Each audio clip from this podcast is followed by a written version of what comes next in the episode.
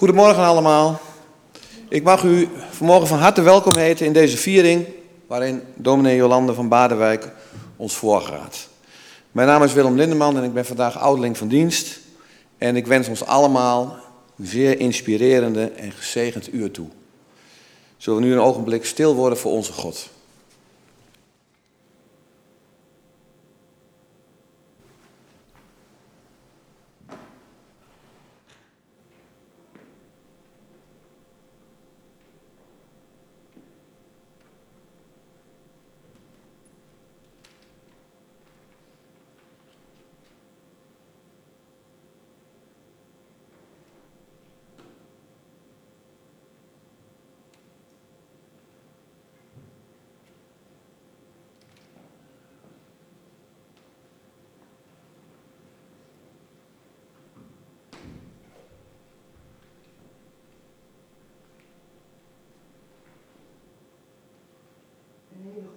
abortion.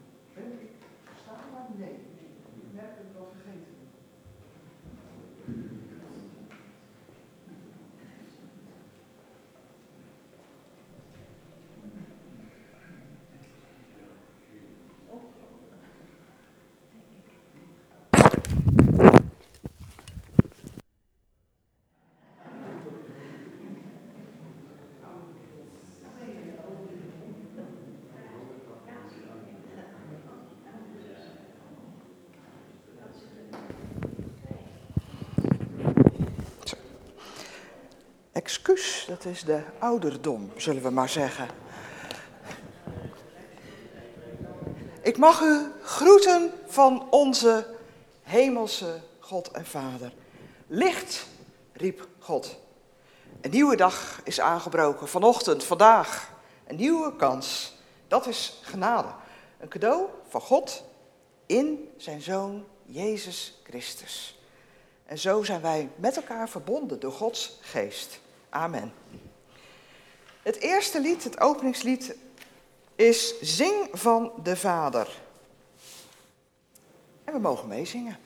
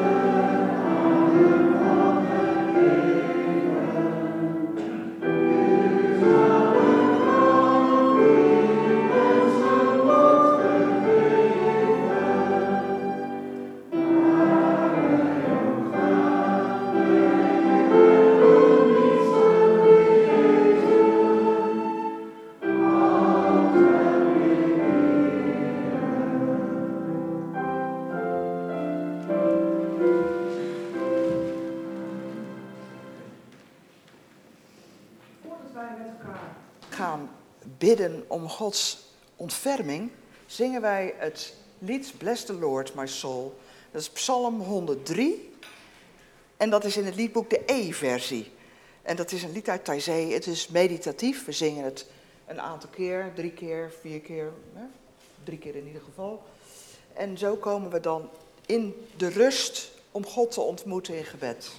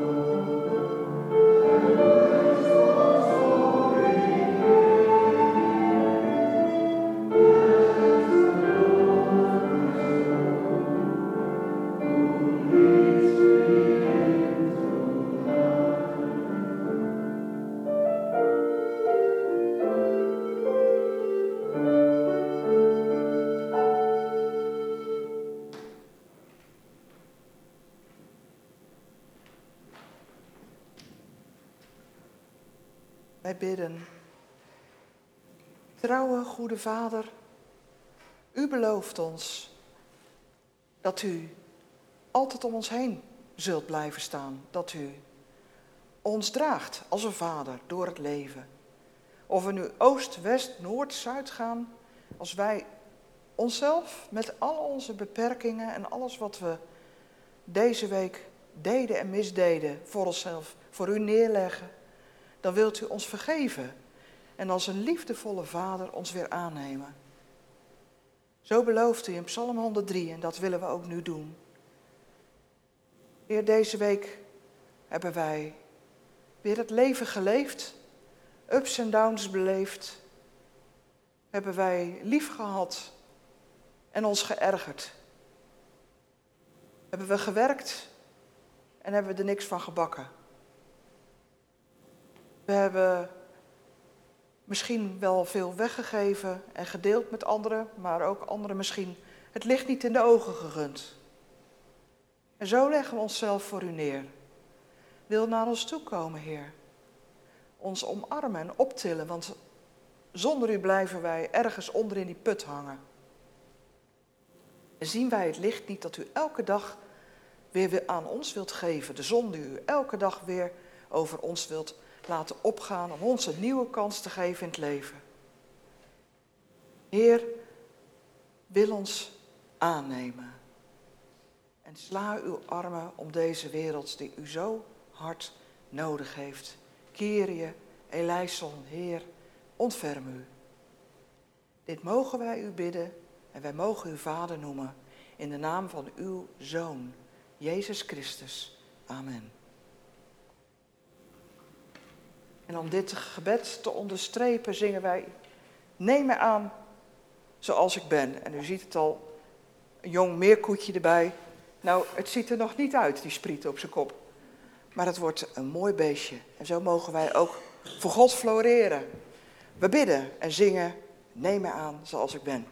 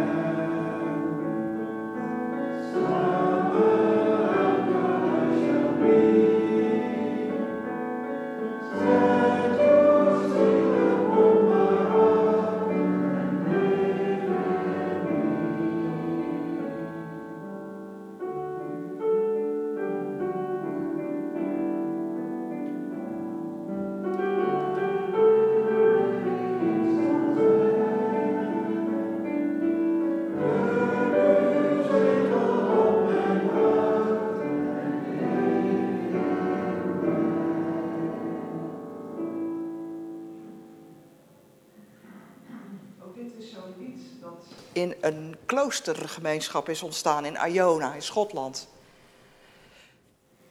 Wij lezen uit het Oude Testament, uit het verhaal van de profeet Elisa, hoofdstuk 4 uit het boek 2 Koningen, vers 38 tot 44. Elisa ging naar Gilgal. Er heerste in die tijd weer hongersnood in het land. En toen Elisa een keer met de leden van de profetengemeenschap bij elkaar zat, droeg hij zijn knecht op om een kookpot op het vuur te zetten en een warm gerecht voor hen klaar te maken. Een van de profeten ging buiten eetbare planten zoeken en hij vond een wilde kruipplant, een coloquint. En hij plukte daarvan zoveel vruchten als hij in zijn kleed kon meedragen. En toen hij terugkwam, sneed hij de vruchten in stukjes deed ze door het gerecht in de pot. Ze wisten namelijk niet wat het was.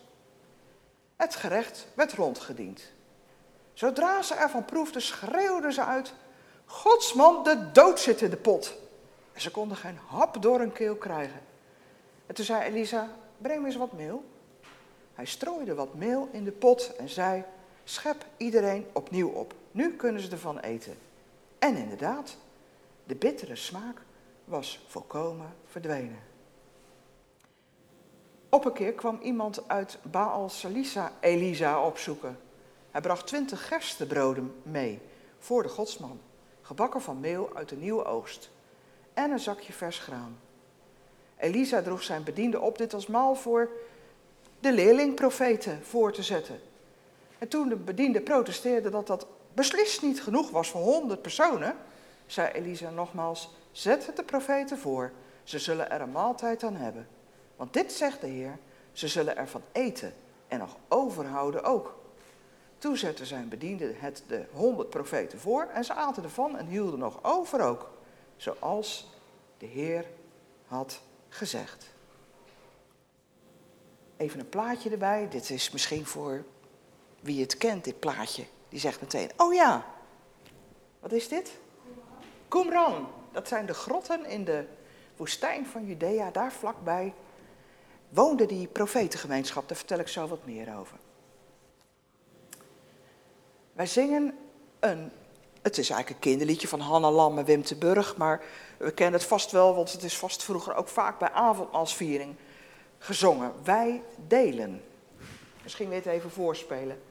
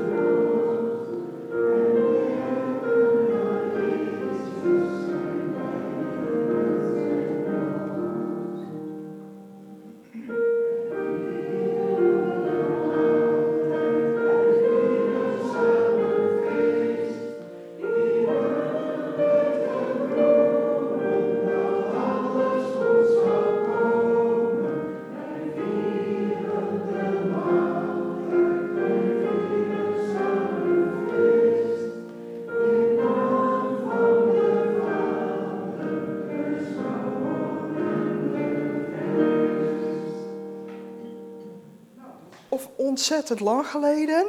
Of we hebben het nooit veel gezongen, dat kan ook. Voor Wessel was het ook vrij onbekend zo te horen.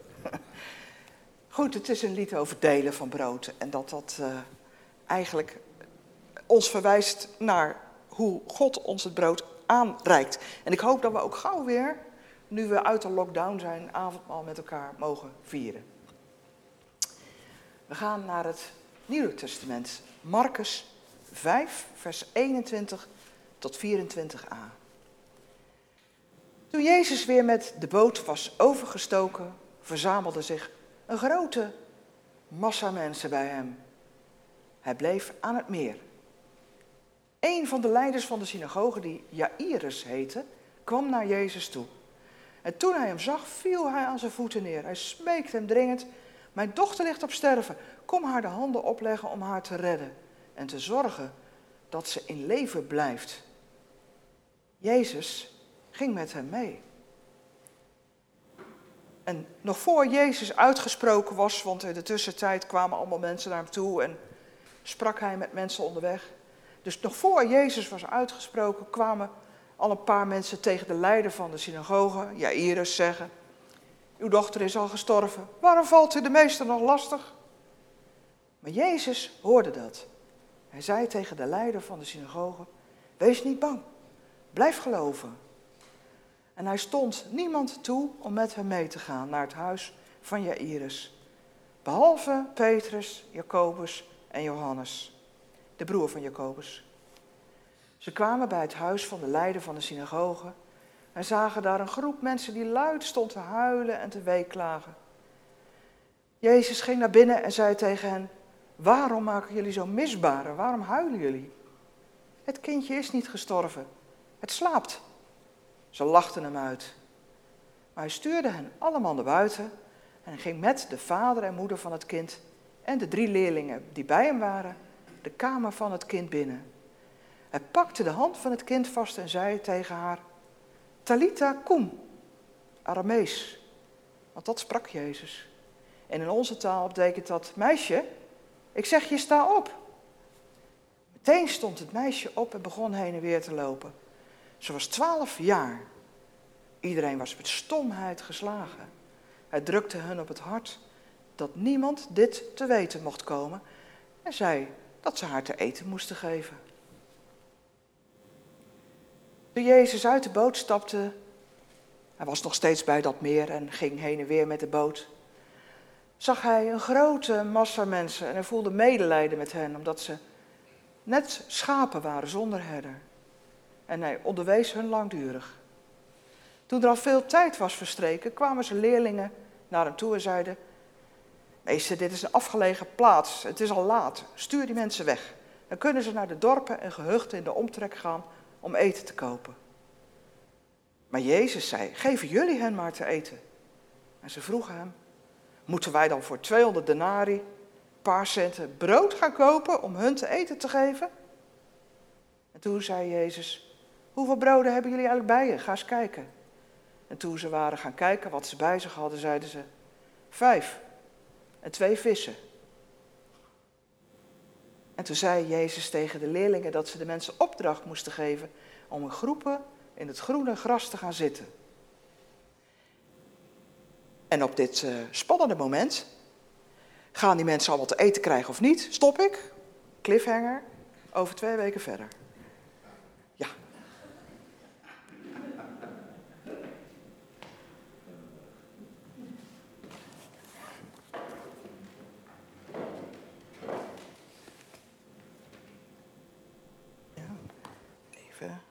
de preek zoeken.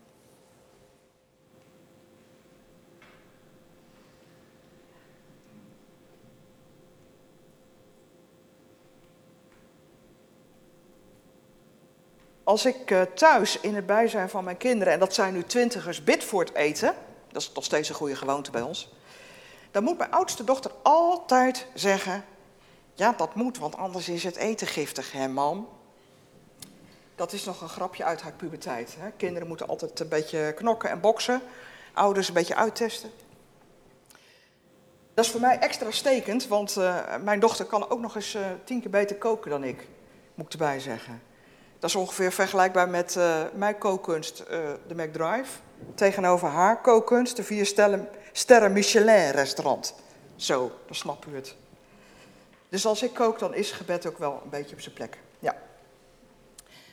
Dat iets giftigs door gebed en door een ingreep van God toch eetbaar wordt, dat komen we in dit verhaal van Elisa tegen. Een beetje onbekend verhaal. Profeet Elisa, dat weten we misschien nog wel, is de opvolger van de oude profeet Elia. En in hoofdstuk 4 en 5 worden allemaal wonderlijke verhalen over Elisa verteld. Hoe hij rondtrekt en er allemaal wonderen plaatsvinden. Een paar noem ik er. Elisa belooft een vrouw van wie hij gastvrij onderdak krijgt, dat zij een kind zal krijgen een jaar later. Dat kind komt er. Helaas sterft het na een aantal jaren aan een zonnesteek. Maar God wekt dat kind op omdat Elisa voor dat kind bidt. Een ander wonder. Elisa geneest de Syrische generaal Naaman, die Melaats is geworden. Hij geeft hem de opdracht dat hij zeven keer kopje onder in de Jordaan moet. Elisa redt iemand uit schulden en die was anders in de slavernij beland.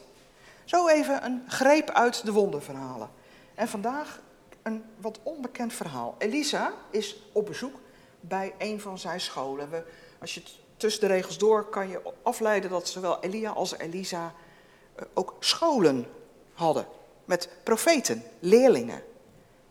En Eentje daarvan is vlakbij Jericho, aan de Dode Zee, in de woestijn. En dan kan je dus een school noemen, je mag het ook een klooster noemen. En daar woonde dus een leefgemeenschap bij elkaar. En ja, dat is daar al uh, droog in de woestijn en er groeit weinig. En dan is er ook nog eens hongersnood in Israël. Al tijden heeft het niet geregend, er groeit niets. Geen eten. En toch, als Elisa daar op bezoek komt, draagt hij zijn knecht op om een kookpot voor die wel honderd leerlingen op het vuur te zetten. En toch maar een warme maaltijd klaar te gaan maken. Ja, waar moeten wij dat vandaan halen? Er is niks. Ja, en dan gaan toch de leerlingen maar op zoek in de omtrek om wat te vinden. En een van hen die vindt een eetbare plant. Een wilde kruipplant. Nou, ik had een plaatje meegenomen, maar het wil geloof ik niet lukken. En dat lijkt op een pompoen, maar dan weten we een beetje hoe die eruit ziet. Hij is geel en hij is heel zeldzaam ook. En die leerling die dat vindt, die denkt, nou, dat is een meevaller. Dat ziet er goed uit. Pompoen, lekker, of hè, kalebas. Dan hebben we toch een beetje soep of moes. En hij eh, voelt zich net zo scout aan het survivalen is en toch iets gevonden heeft. En die plant die groeit op extreem droge grond, heeft hele diepe wortels, kan dus ook in tijd van droogte nog altijd uit de bodem water opdrinken. Maar de pulp blijkt enorm bitter. Eigenlijk giftig. Die plant dat heet een coloquint en die wordt ook vandaag nog om medicinale redenen gebruikt. Het is namelijk een purgeermiddel en het werkt dus laxerend. Nou, om het gewoon te gebruiken is verboden, want dat staat in de Nederlandse warenwet. Kruidenpreparaten. En waarom? Omdat hij zo enorm laxerend werkt, kan je eraan overlijden. Dus het mag natuurlijk alleen een hele kleine dosis. Als de hele school die moes eet en proeft, dan beginnen ze allemaal te schreeuwen, verschrikkelijk, dit is niet te eten. De dood in de pot. Het is, het is een uitdrukking geworden, hè? de dood in de pot. Maar het is niet te eten. Het is verschrikkelijk. Dit kunnen, ook al heb je nog zo'n honger, dit kunnen we niet eten. Misschien hadden er al een paar naar die andere pot moeten rennen, omdat ze aan de dunne waren. En dan zegt Elisa, nou, doe er een beetje meel doorheen. Ja, hoe moet ik me dat nou voorstellen? Misschien net als dat wij een beetje maizena door iets doen. Het wordt in ieder geval geneutraliseerd, de smaak. Het bittere is er vanaf en het is ineens wel eetbaar. En omdat het hongersnood is, hebben de leerlingen door deze dikke moes van deze plant ineens toch te eten. En ze kunnen het binnenhouden. De soep, de moes, hoe het ook moet hebben uitgezien, dat wordt een redding. En honderd leerlingen hebben hieraan genoeg.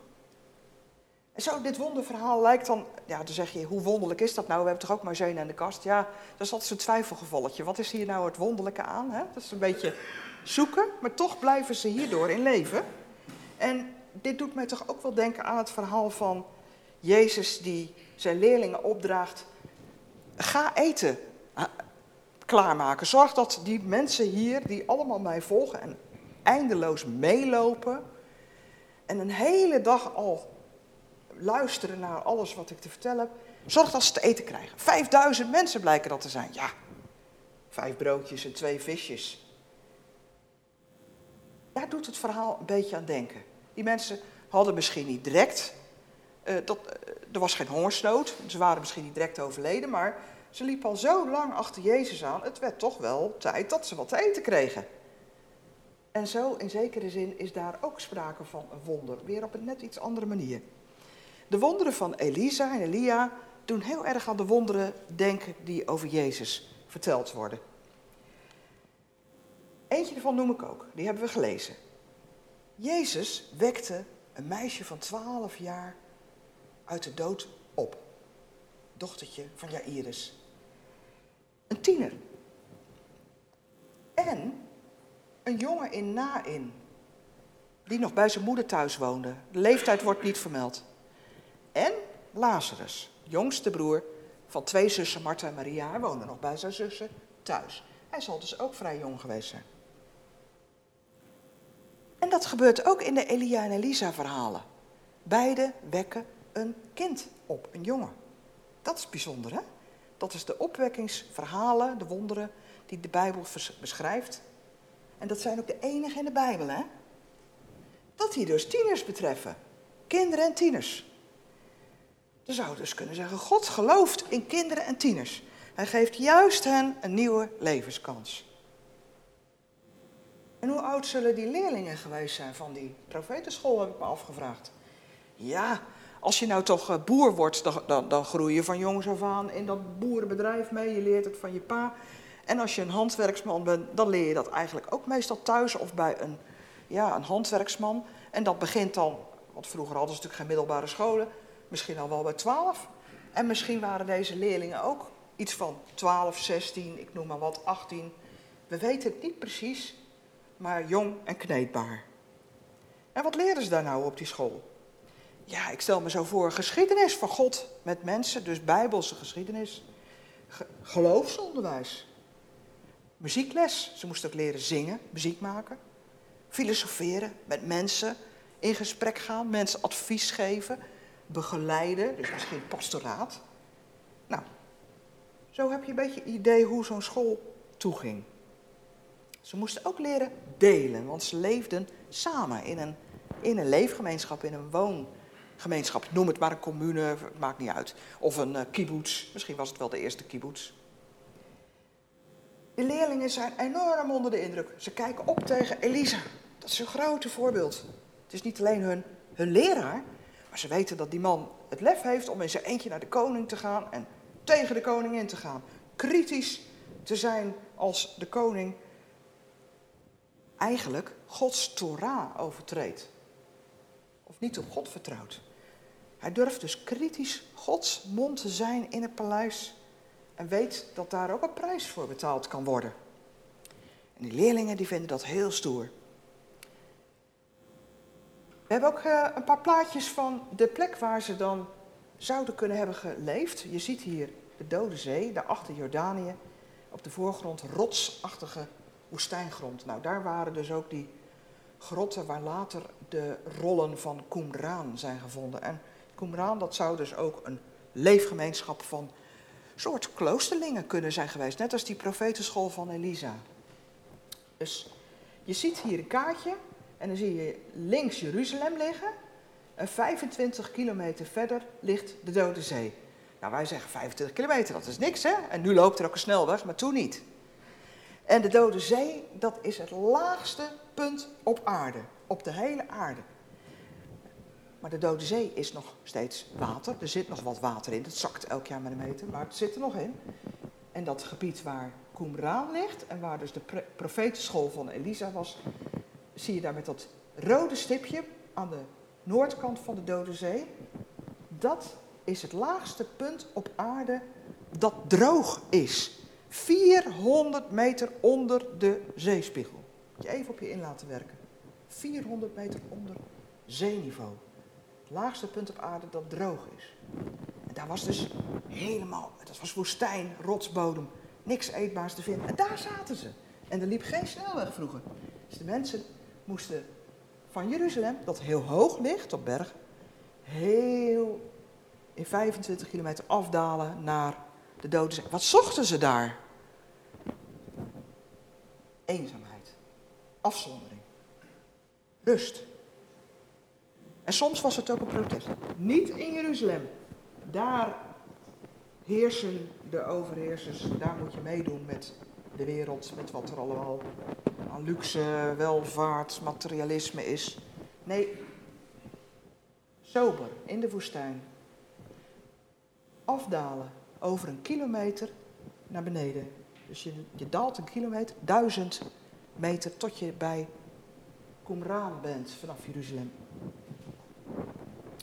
En net daarboven heeft Johannes de Doper later gedoopt. Die zou dus ook wel banden kunnen hebben gehad met zo'n leefgemeenschap. Je ziet dus dat water dat uitloopt in de Dode Zee, dat is de Jordaan. En daar net boven de Dode Zee, daar ter hoogte van Jeruzalem, heeft Johannes gedoopt. Als we ooit nog eens naar Israël gaan, gaan we het gewoon opzoeken. Wie wil er mee? Ik ga de vraag ooit serieus in de kerk neerzetten. Elisa wist het dus al, Elia. Johannes de doper wist het en Jezus. Als je mensen wilt vormen, moet je ze jong zien te pakken te krijgen. Jonge mensen zijn kneedbaar, zijn vormbaar. En wie de jeugd heeft, heeft de toekomst. Wat je jong leert, dat blijft je het langst bij. Maakt de diepste indruk. En dat bedoel ik niet alleen op school, maar in het hele leven. Alles wat je ervaart aan levensmomenten met je ouders, met ouderen, dat blijft je het langst bij. Ervaringen moet je delen met elkaar. Je kunt een kind en een tiener dus geweldig vormen, positief. Je kunt het ook helemaal afbreken en vernielen. Dat kan ook. Want in die jaren gebeurt het meest om een mens te vormen voor het leven. En nou maak ik een overstapje. Deze zondag staat in de kerkmail als de rondom vier viering. Ik had al even een uh, feestje bedacht. Met slingers en uh, ballonnen en feestmutsen. Dan hadden we hier kinderen gehad. Die de overstap van de kinderkerk naar de tienerdienst maakten. Zoals we dat elk jaar gezien hebben. En we zien nu niemand. Hebben we ze niet uitgenodigd? Jawel. Er waren er zeven. Maar ze zijn er niet. Blijkbaar is het in onze gemeente zo dat we elkaar niet meer genoeg kennen. Onbekend maakt onbemind, is dat het? Durven daarom mensen niet meer in de kerk te komen om zo'n stap te maken? Ik weet het niet. Maar wat ik wel weet is dat uit onderzoek blijkt dat juist tieners en twintigers heel hard onze coaching, onze aandacht nodig hebben. En dat ze hun vragen bij ouderen moeten kunnen neerleggen. Dat ze om hun eigen levensdoelen te ontwikkelen een tegenover nodig hebben. Iemand die kritisch, maar ook steunend en aanmoedigend met ze meedenkt. En die hun helpt om hun normen en waarden aan een levensdoel te verbinden. Je moet bij tieners en jongeren doorvragen de diepte in. Levensvragen stellen. Helpen hen helpen om levenskwaliteit te ontwikkelen. En daarin hebben wij heel veel te bieden. Maar we zien ze hier niet. Hoe komen we nou in contact? Als ik kijk naar ander onderzoek onder jongeren, dan hoor ik dat ze heel erg klagen over de hoge prestatiedruk die er op hun ligt vanuit de samenleving. En ook een economische druk. Je moet in zoveel jaar je opleiding af hebben. Je krijgt geen beurs meer. Je moet alles lenen. En dan zit je dan aan het eind van je studie met een torenhoge berg schulden. Een kredietregistratie. Zodat je geen hypotheek kan krijgen. En de huizenmarkt op slot. Zodat je als starter niet een huis kan kopen. En daarbij is het nog lastig om een baan te krijgen. Want je je moet tegen een klein loontje beginnen, maar wel zoveel jaar werkervaring meenemen, terwijl je nog niks aan kansen hebt gehad. Die druk, die is voor jongeren enorm. En daar heeft de lockdown nog een schepje bovenop gedaan. En wat doen wij om die druk voor hen te verlichten, voor tieners en jongeren? Daar stel ik nog een vraag bij. En we kunnen we nu geen antwoord op geven, maar we nemen hem mee naar huis. En we kunnen er misschien eens ondertussen over nadenken. Waarom is er geen belangstelling meer voor geloofsonderwijs? Waarom zien we in de kerk zo weinig kinderen en tieners meer? Wordt er nog geloofsonderwijs gegeven? Categorisatie niet meer in de kerk. Het is lang geleden dat ik uh, de vraag heb gekregen, niet meer in Duiven. Eén keer in Duiven, moet ik zeggen. Maar ja, één catechisant is ook zo sneu voor die ene. En is er nog geloofsonderwijs op scholen? Nou, Willem en ik hebben het lopen onderzoeken de laatste tijd. Dat neemt ook rap af. Ja, bij Ellen op school, dan moeten we naar Doetinchem. Duiven? Ze komen van ver naar Doetinchem, hoor ik. Dat zijn dingen die ons aan het nadenken zouden moeten zetten. En van huis uit zouden ouders hun kinderen mee kunnen nemen naar de kerk. Elke derde zondag van de maand hebben we hier tienerdienst. Zitten ze in de huiskamer, kinderkerk en komen ouders mee. We hebben nu besloten als cluster vieren om die diensten dus op de, wat de tieners en de kinderen aangeboden krijgen af te stemmen, zodat thuis doorgepraat kan worden. Dat je nog eens kan napraten. Maar waar blijven de ouders? Er zouden veel meer ouders kunnen komen. En je hebt echt het nodig om als generaties met elkaar in gesprek te zijn om samen te kunnen opgroeien om elkaar te kunnen verder helpen, om te kunnen delen. In de Limers hebben we ook op allerlei vlakken samenwerking. En als predikanten hebben we bedacht om naar gezinsdiensten toe te gaan werken. Dus aparte gezinsdiensten te starten, los van de bestaande diensten voor kinderen tot 12 jaar, die met hun ouders of grootouders daarheen kunnen. Dat moeten we nog uitwerken. Alles bij elkaar. Ik leg wel een hele hoop vragen en, en ineens voor u neer hoor, dat realiseer ik me. Dus straks staat er een kop koffie tegenover om het even te laten zakken. Maar als wij kinderen zo als Nederlanders opofferen aan onze welvaart hè, en hen onder druk zetten om te presteren, om te gaan studeren, om in zichzelf te investeren, want we hebben straks hun kennis nodig. En we hebben ook hun zorg aan ons bed nodig. Maar we geven hun geen studiebeurzen en we zadelen hun met schulden op en de huizenmarkt zetten we op slot. Dan buiten we hen eigenlijk economisch uit. We denken er niet bij na, maar dat is ook kindermisbruik. Vroeger in Israël werd het letterlijk gedaan. En wat doen we als Nederlanders? Nou, niet letterlijk onze kinderen offeren, maar wel figuurlijk. Ik zeg het misschien een beetje hard, maar zo zie ik het langzamerhand. Want de, de huizenprijzen jakkeren we met z'n allen omhoog. En dan zeggen we, ja, dat is de marktwerking. Ja, maar ik moet ook een nieuw huis terugkopen. En dan moet ik dus een hoge prijs voor mijn oude huis vragen. Krijgen jongeren dan nog al een kans? Kunnen ze erbij komen? Of zit het zo op slot dat er geen toegang voor hen meer is? Hoe kunnen wij hen helpen? En ook als gemeente. Elisa en Jezus lossen het niet in hun eentje op, hè? Elisa gaat niet staan koken. Jezus gaat niet boodschappen doen. Nee, ze dragen hun leerlingen op om op zoek te gaan naar eetbare groenten, brood, vis. En ze vertellen hen dat ze het moeten gaan uitdelen. Kijk, dat is een leermoment, want die leerlingen die zien dat die zitten. Die denken, dat kan niet. Er zitten er zoveel mensen, hoe moet ik dat met die paar broodjes, die ene koloquint oplossen? Dus ze prikkelen hun leerlingen om erover na te denken. En dan weten ze, we komen er niet uit. We kunnen het zelf niet. Alleen als we het God vragen. Als we bidden, zegen dit eten, laat het voor ieder genoeg zijn. En als Jezus dan gaat delen, of Elisa zegt, doe er eens wat meel bij, dan komt het goed. Ineens blijkt er genoeg. En niemand hoeft bang te zijn dat ze te weinig krijgen. Juist door het delen ontstaat er alleen maar meer. Dat is het wonder in deze verhalen. Door te delen komt er alleen maar meer. Als wij dat wonder eens zouden kunnen gaan meemaken, hè, dat we niet denken, nou hand op de knip, huis zo duur mogelijk te koop zetten, want uh, ja, we moeten ook op de kleintjes letten, we moeten zorgen voor later, we moeten sparen, nog wel nalaten aan de kinderen. Als wij zouden zeggen, we gaan delen, zou dan voor ons ook het wonder komen dat we merken, hé, hey, we worden er helemaal niet minder van, we worden er juist beter van. Dat delen zelf het wonder is. Daarom sluit ik af met te zeggen, we hebben nog kinderen, tieners in onze gemeente. We hebben nog jongeren. Laten we in hen investeren. En misschien dat we de groene trossers kunnen vragen om na te denken over een mooi project. Eh, grond in Duiven met uh, moestuin erbij. dat we zeggen van we hebben als gemeente moestuin. ga daar wonen, tiny houses. Maak er eens wat moois van met elkaar. En dan helpen we hen ook aan onderdak. Zouden we zoiets kunnen oppakken? Nou, het is maar gewoon een open vraag. Het is weer eens een dagdroom. Maar ik denk wel van ja, zo zou je als gemeente kunnen kijken hoe is er te delen met tieners. En ik denk dat wie de jeugd heeft,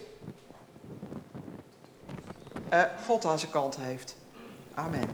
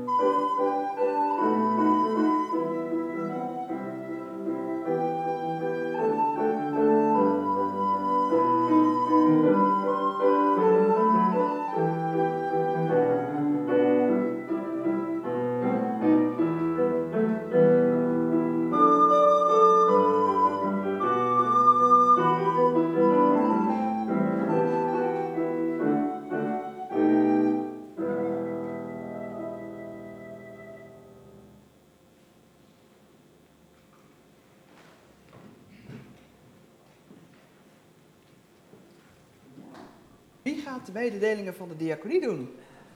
Ah.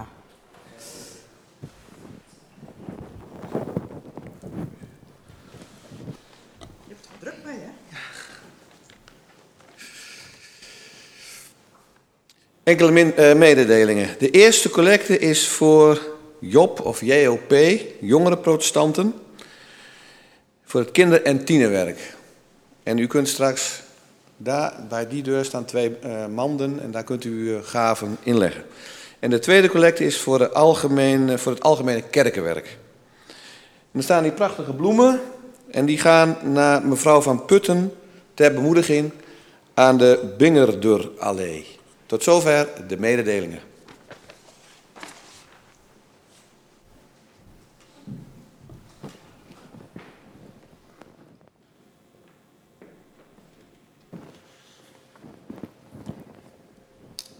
Wij danken en God ook onze gebeden voorleggen.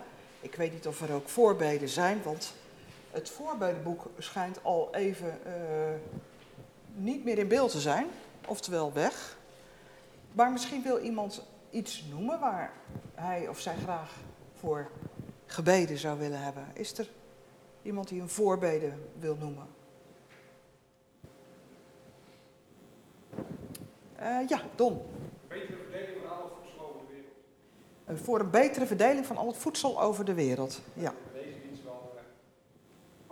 Ja, en dat eh, paste ook bij de vorige dienst, eh, de, de protestdienst. Hè? Daar kwam... Ja, ja. Ja. Zijn er nog meer eh, voorbeden te vragen?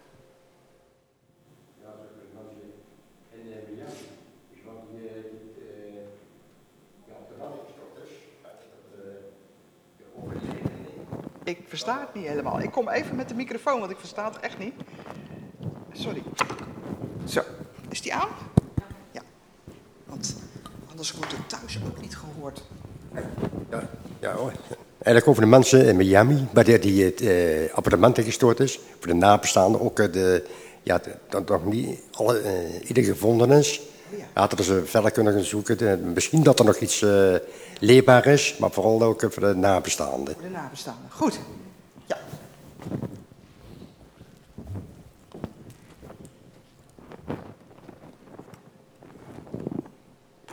Dan gaan wij God danken en bidden. Lieve goede Vader,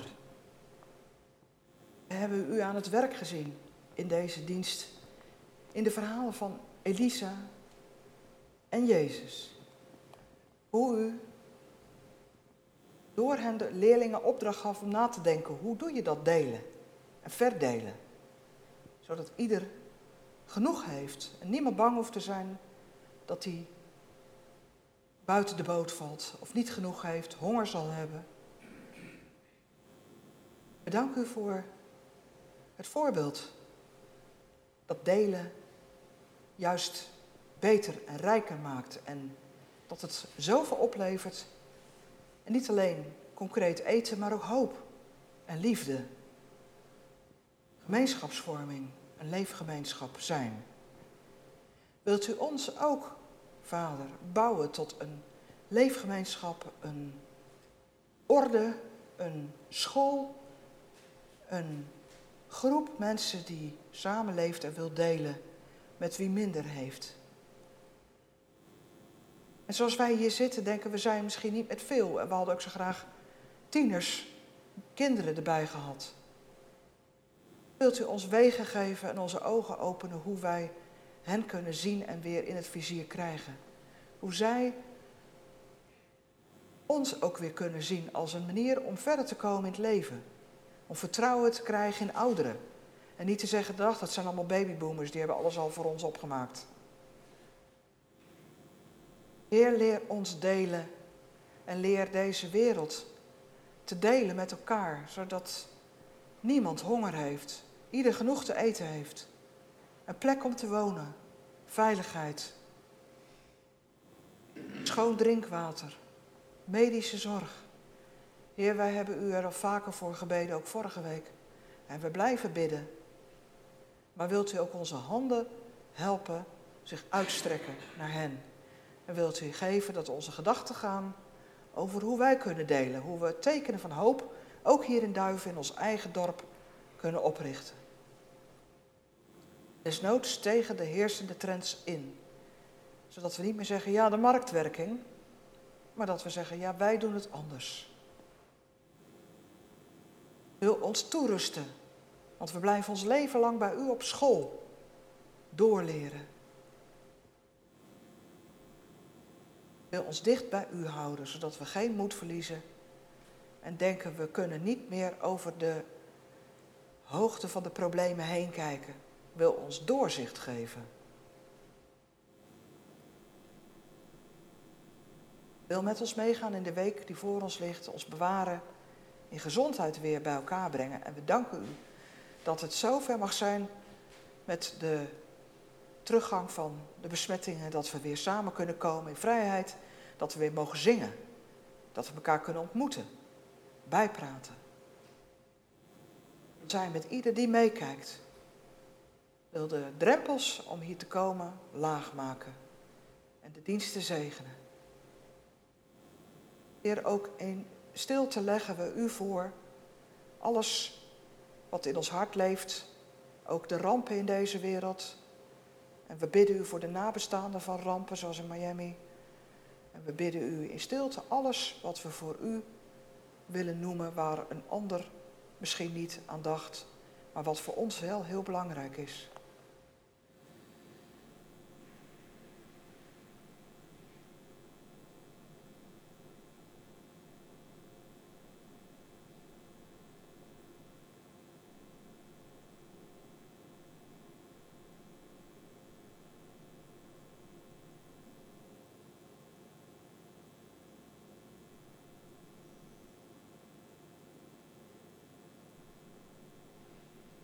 Zo leggen wij alles voor u neer en bidden wij samen het gebed dat uw zoon ons leerde, ons als leerlingen van hem. Onze Vader, die in de hemel zijt, uw naam worden geheiligd, uw koninkrijk komen, uw wil geschieden op aarde zoals in de hemel. Geef ons heden ons dagelijks brood. Vergeef ons onze schulden, zoals ook wij onze schuldenaars vergeven. En leid ons niet in verzoeking, maar verlos ons van de boze. Want van u is het koninkrijk en de kracht en de heerlijkheid in eeuwigheid. Amen.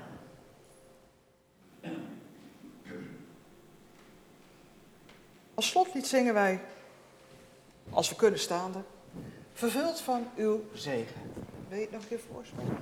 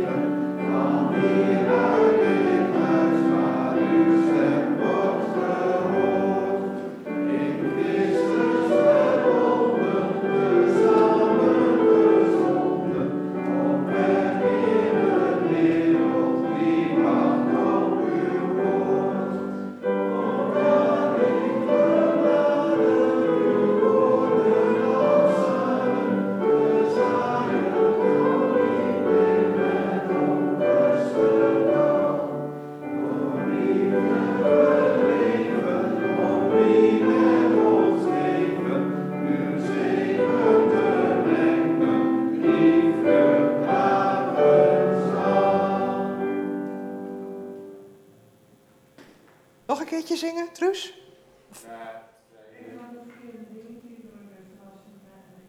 Nu wel gevonden of niet? Versie 1 tot met 4, maar Oh, alleen de vierde is goed.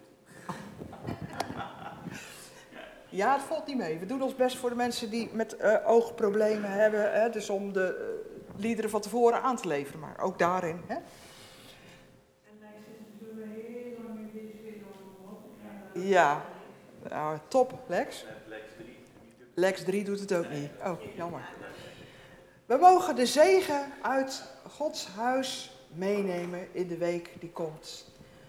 De genade van onze Heer Jezus Christus, de liefde van God en de gemeenschap van de Heilige Geest zijn met u allen. Amen. Fijne zondag.